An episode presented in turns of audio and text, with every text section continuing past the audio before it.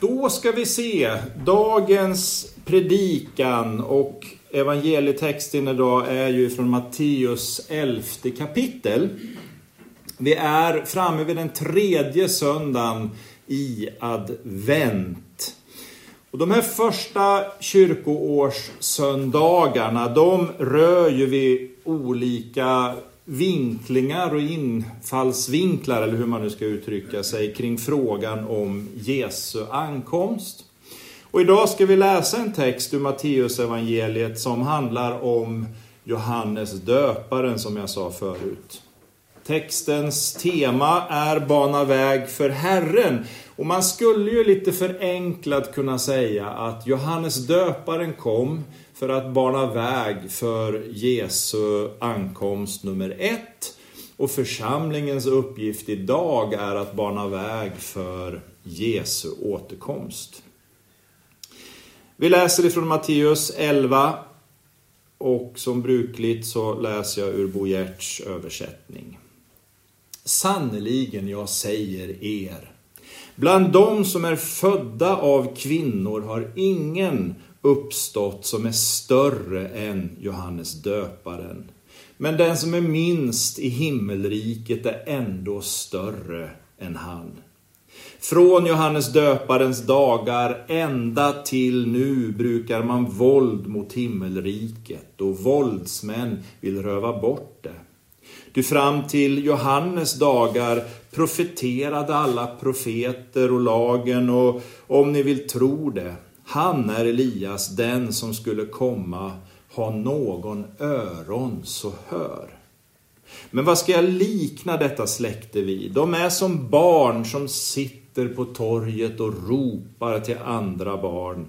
Vi har spelat flöjt för er, men ni ville inte dansa. Vi sjöng sorgesång, men ni ville inte klaga. Johannes kom och han varken åt eller drack. Då sa man, han är besatt.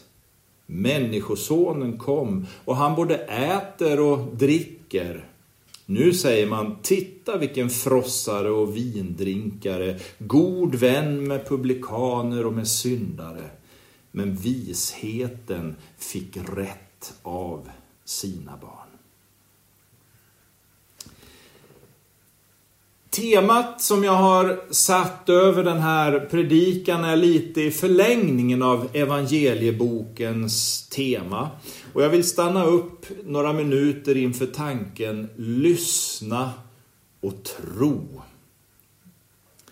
När vi läser de här texterna som finns om Johannes döparen på olika ställen i evangelierna så ser vi att han kopplas ihop med profeten Elia. Nu handlar det ju inte om att profeten Elia från gamla testamentet på något sätt uppstår eller inkarneras i Johannes. Nej, det är snarare fråga om tjänsten som Johannes stod i, den profetiska tjänsten. Eh, den profetiska tjänsten där han så att säga slutför den gammaltestamentliga profettjänsten. Märk väl, profettjänsten upphör inte men den får en liten ny inriktning nu kan man säga. Och när man talar om tjänstegåvorna som omnämns i Efesiebrevets fjärde kapitel så brukar man ibland använda en pedagogisk bild av handen som på, på ett sätt då eh, Eh, representerar de olika tjänstegåvorna. Och profetens tjänstegåva, det är pekfingret. Och man säger så därför att profetens uppgift är att peka ut vägen. Att visa folket vilken väg man ska gå.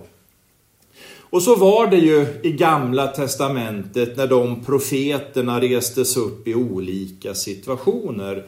De pekar ut vägen på två sätt. Med en uppmaning åt folket att omvända sig och lyssna på Gud. Men själva kärnan i omvändelsen blir ju att de i förlängningen pekar ut riktningen mot Jesus, den frälsare som ska komma. Och jag tycker om när jag läser det här, för jag ser ju hur Bibeln på olika sätt hör ihop. En del kan med olika argument plocka bort Gamla Testamentets texter och säga att ja, men det har inte någonting med oss att göra idag för nu har Jesus kommit. Så vi kan lämna det där till historien.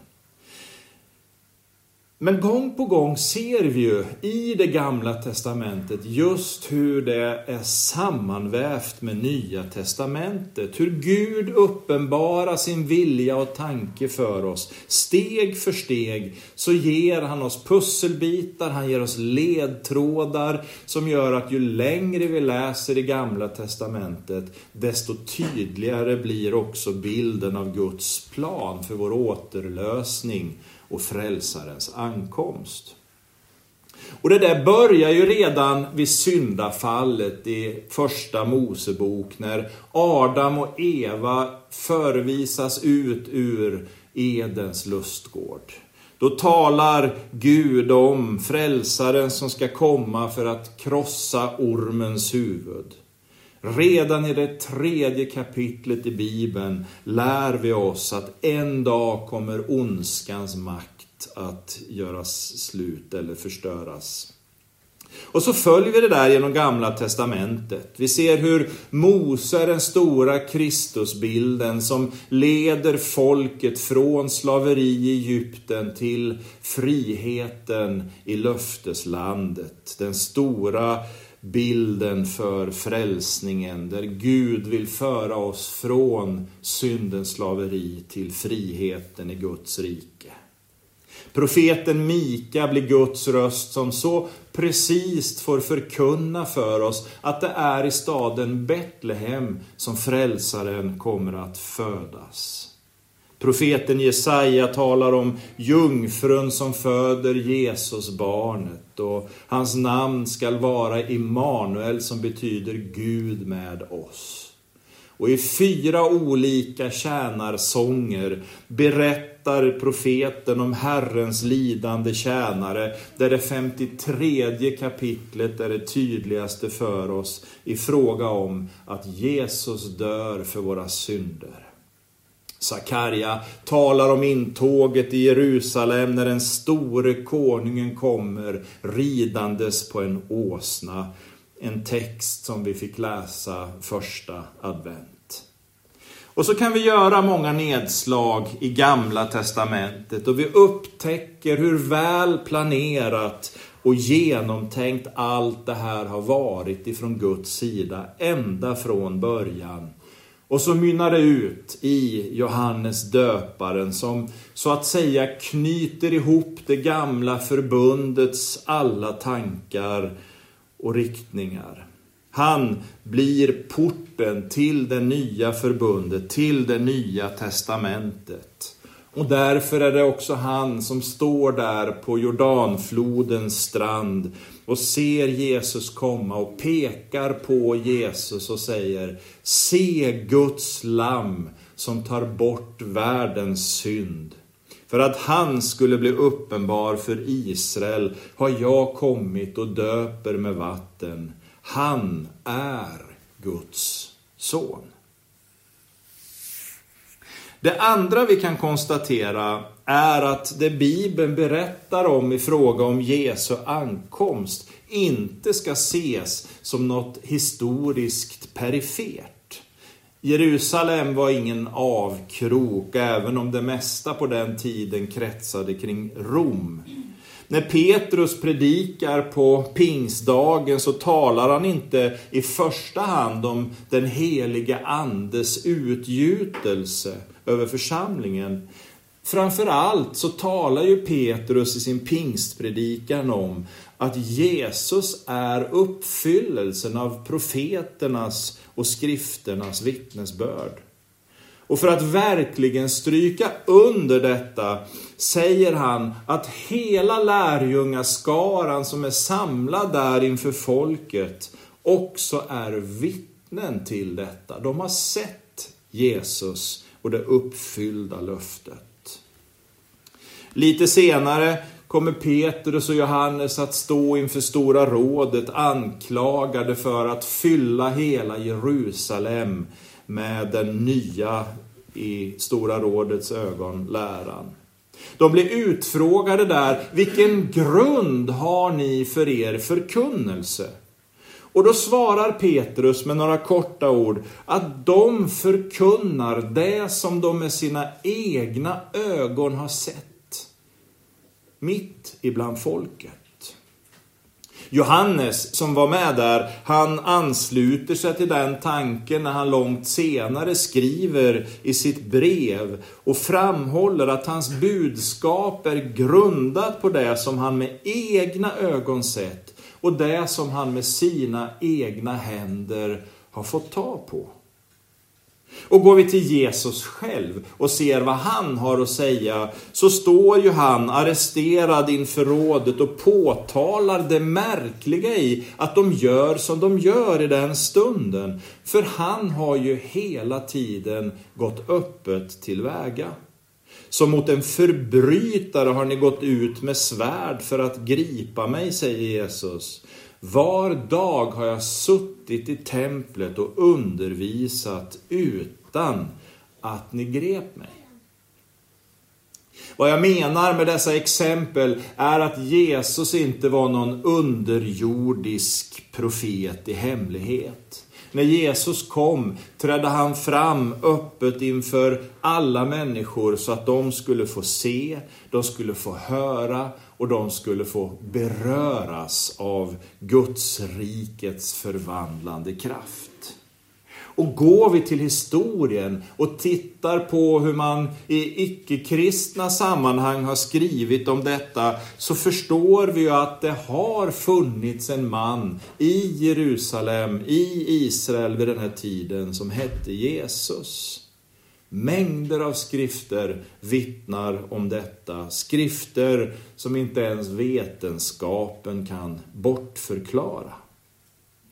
Och då landar vi ju i det tredje och sista, den naturliga följden om vem Jesus är. Är han den han säger att han är?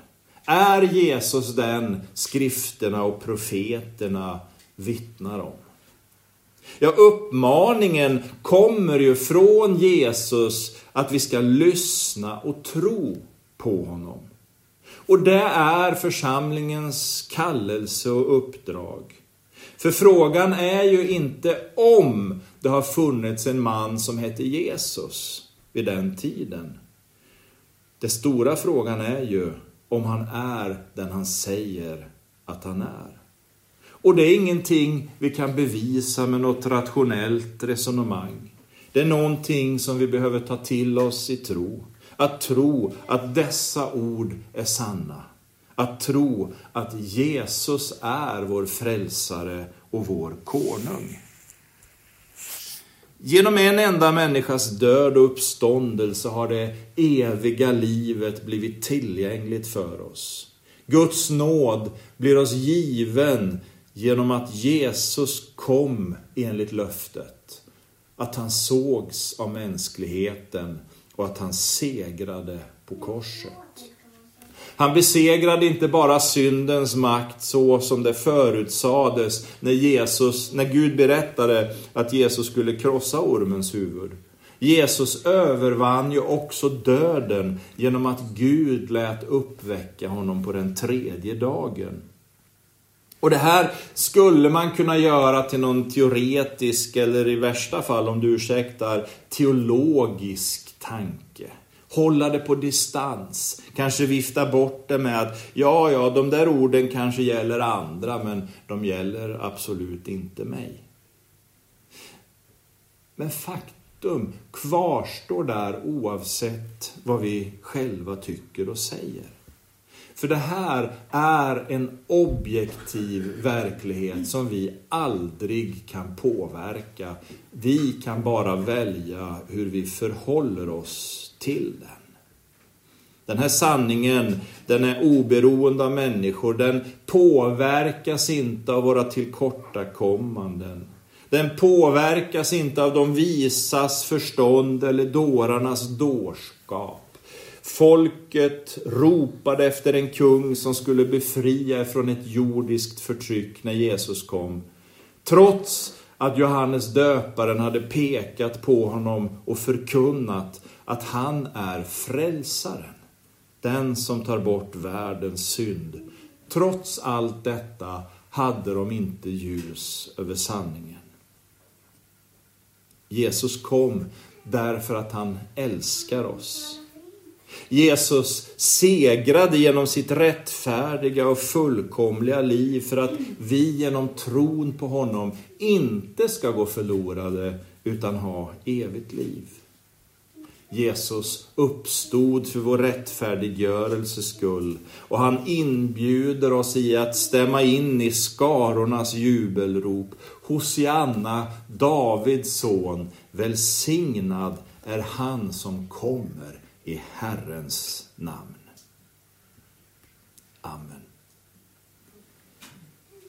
Vi tackar dig himmelske Fader än en gång för att du har gett oss möjlighet att tro på denna sanning. Tack Herre att du har gjort den levande i våra hjärtan. Jag ber att du ska göra oss alla frimodiga, visa och förståndiga i att dela denna underbara sanning med de människor som vi har omkring oss. Så att också de får ljus över evangeliet. Dina äran och makten från evighet till evighet. Amen.